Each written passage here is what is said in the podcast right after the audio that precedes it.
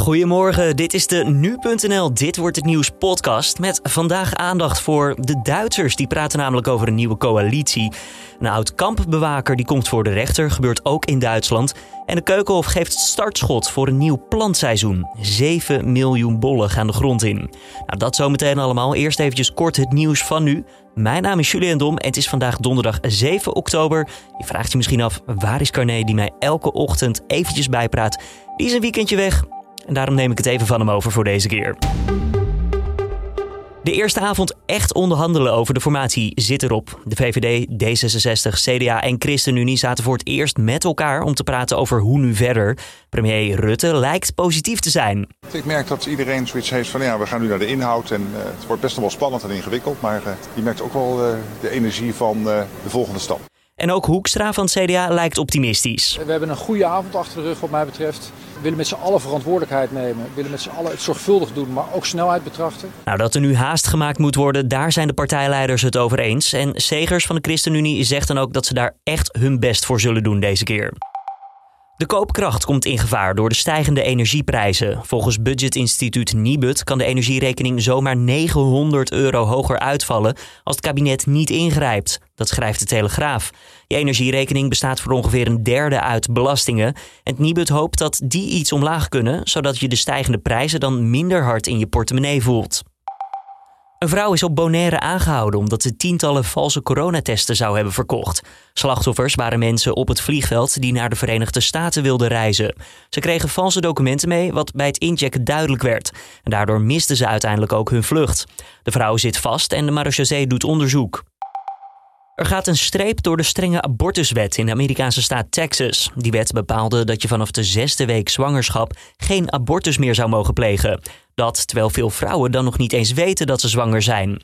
Ook de zwangerschap afbreken naar verkrachting of incest zou niet mogen. Het verklikken van iemand die abortus pleegt of daarbij helpt zou juist weer geld opleveren. De wet moet nu aan de grondwet worden getoetst en tot die tijd mag die niet worden toegepast.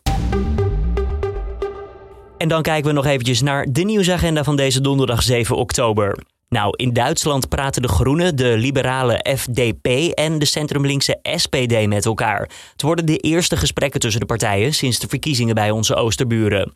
De leiders van de Klimaatpartij De Groenen zeiden eerder al een coalitie met de Liberalen en de Sociaaldemocraten te willen verkennen.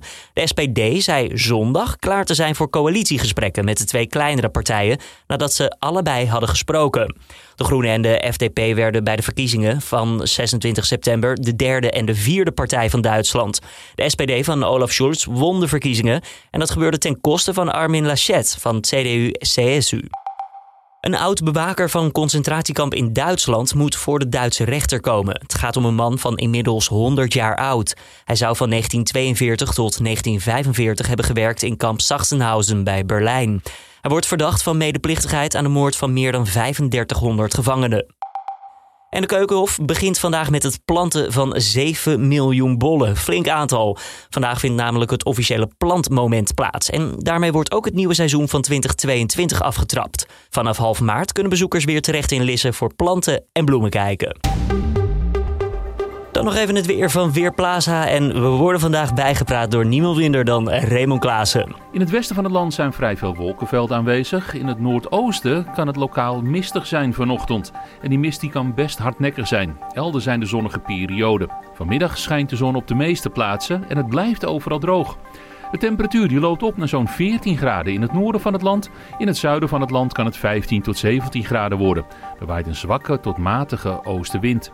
Vanavond zijn er brede opklaringen en dan koelt het alweer sterk af. In de nacht kan het dan weer flink mistig worden. Ja, dankjewel Raymond.